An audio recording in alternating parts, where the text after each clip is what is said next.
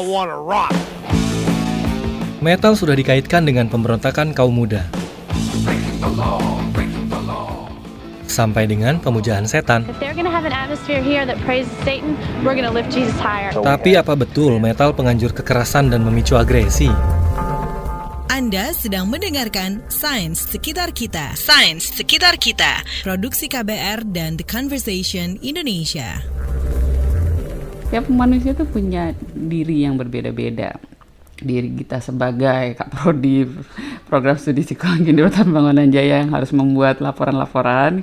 Kita yang sebagai anak band gitu kan, kita yang sebagai ibu- ibu rumah tangga. Nah, musik ini bisa menjadi fungsinya berbeda-beda untuk setiap ya, identitas tersebut gitu kan. Bahkan satu satu individu bisa memaknai satu musik berbeda-beda dalam berbagai berbagai episode kehidupan, berbagai identitas, berbagai macam-macam gitu, berbagai konteks. Gita Widya Laksmini pernah jadi anak band. Dia masih menikmati musik metal di sela-sela mengajar dan menyusun laporan sebagai kepala program studi psikologi Universitas Pembangunan Jaya. Dia juga menulis buku Heavy Metal Parents, Identitas Kultural Metalhead Indonesia 1980-an.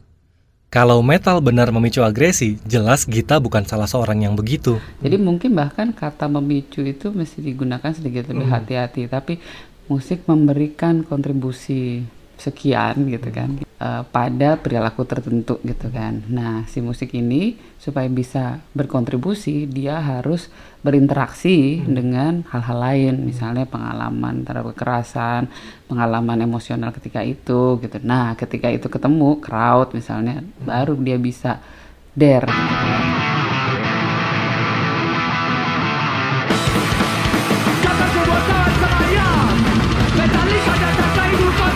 Musik metal atau rock secara umum yang menjadi ibunya telah dikaitkan dengan macam-macam yang negatif. Misalkan The Beatles. Mereka pernah bilang mereka lebih populer dari Yesus sehingga mengundang protes besar-besaran. This is Doug Layton and Tommy Charles. We're reminding you that our fantastic Beatle boycott is still in effect. We have not forgotten what the Beatles said. Stairways to Heaven milik Led Zeppelin konon juga mengandung pesan-pesan pemujaan setan.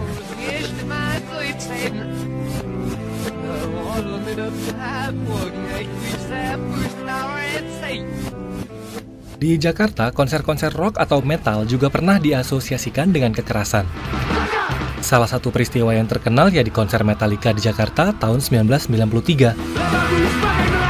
dengar sesuatu yang lebih upbeat gitu ya kita terpengaruh gitu ya. Kayak makanya kalau nge-gym gitu kan pasti pengelola gymnya pakainya lagu-lagu yang upbeat. Tapi koneksi itu tidak tidak terlalu mudah bukan kausal. Misalnya ada orang tenang-tenang gitu kita hajar musik metal terus dia toto jadi mukulin orang sebelahnya. Enggak gitu kan. Perilaku agresi itu macam-macam penyebabnya.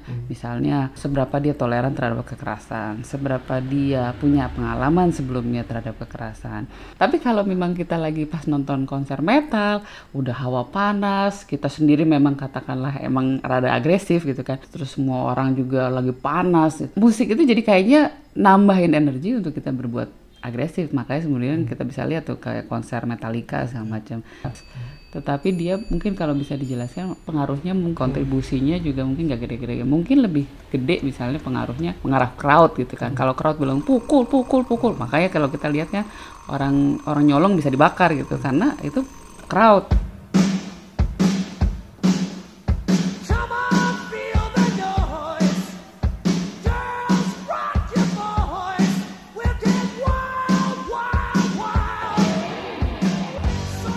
Alih-alih menghasilkan energi buruk, metal malah punya dampak baik.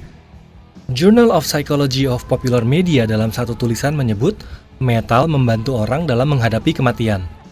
Peneliti Paula Rowe dan Bernard Geran dari University of South Australia menyebut musik metal membantu remaja dan orang dewasa menghadapi ketegangan dalam keluarga, bullying, dan kesepian. Aku tuh kalau di kantor mendengar heavy metal justru pada saat-saat di mana aku masih ngejar laporan gitu kan, mengisi tabel berlembar-lembar yang tak berkesudahan gitu ya. Dan pada saat itu aku kalau dilihat dari luar sih tampilannya anteng duduk di depan desktop gitu ya dengan ini dengan headphone.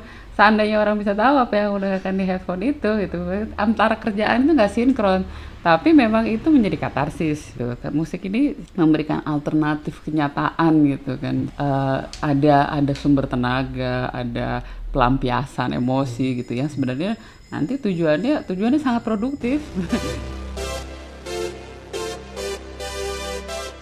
kalau di mental tuh membantu merasa bahwa oh di dunia ini ternyata ada orang yang masalahnya lebih besar dari saya gitu kan. Makanya kalau kalau dengerin mental kan kadang-kadang kita suka main air gitar gitu kan. Suka seolah-olah manggil gitu. Padahal kita nggak megang gitar atau drum gitu kan.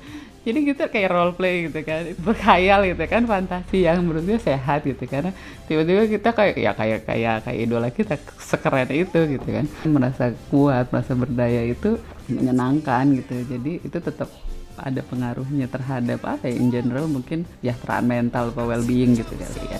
Jadi, mari kita angkat jemari ke udara, ikuti irama, karena metal sesungguhnya tak bikin bahaya.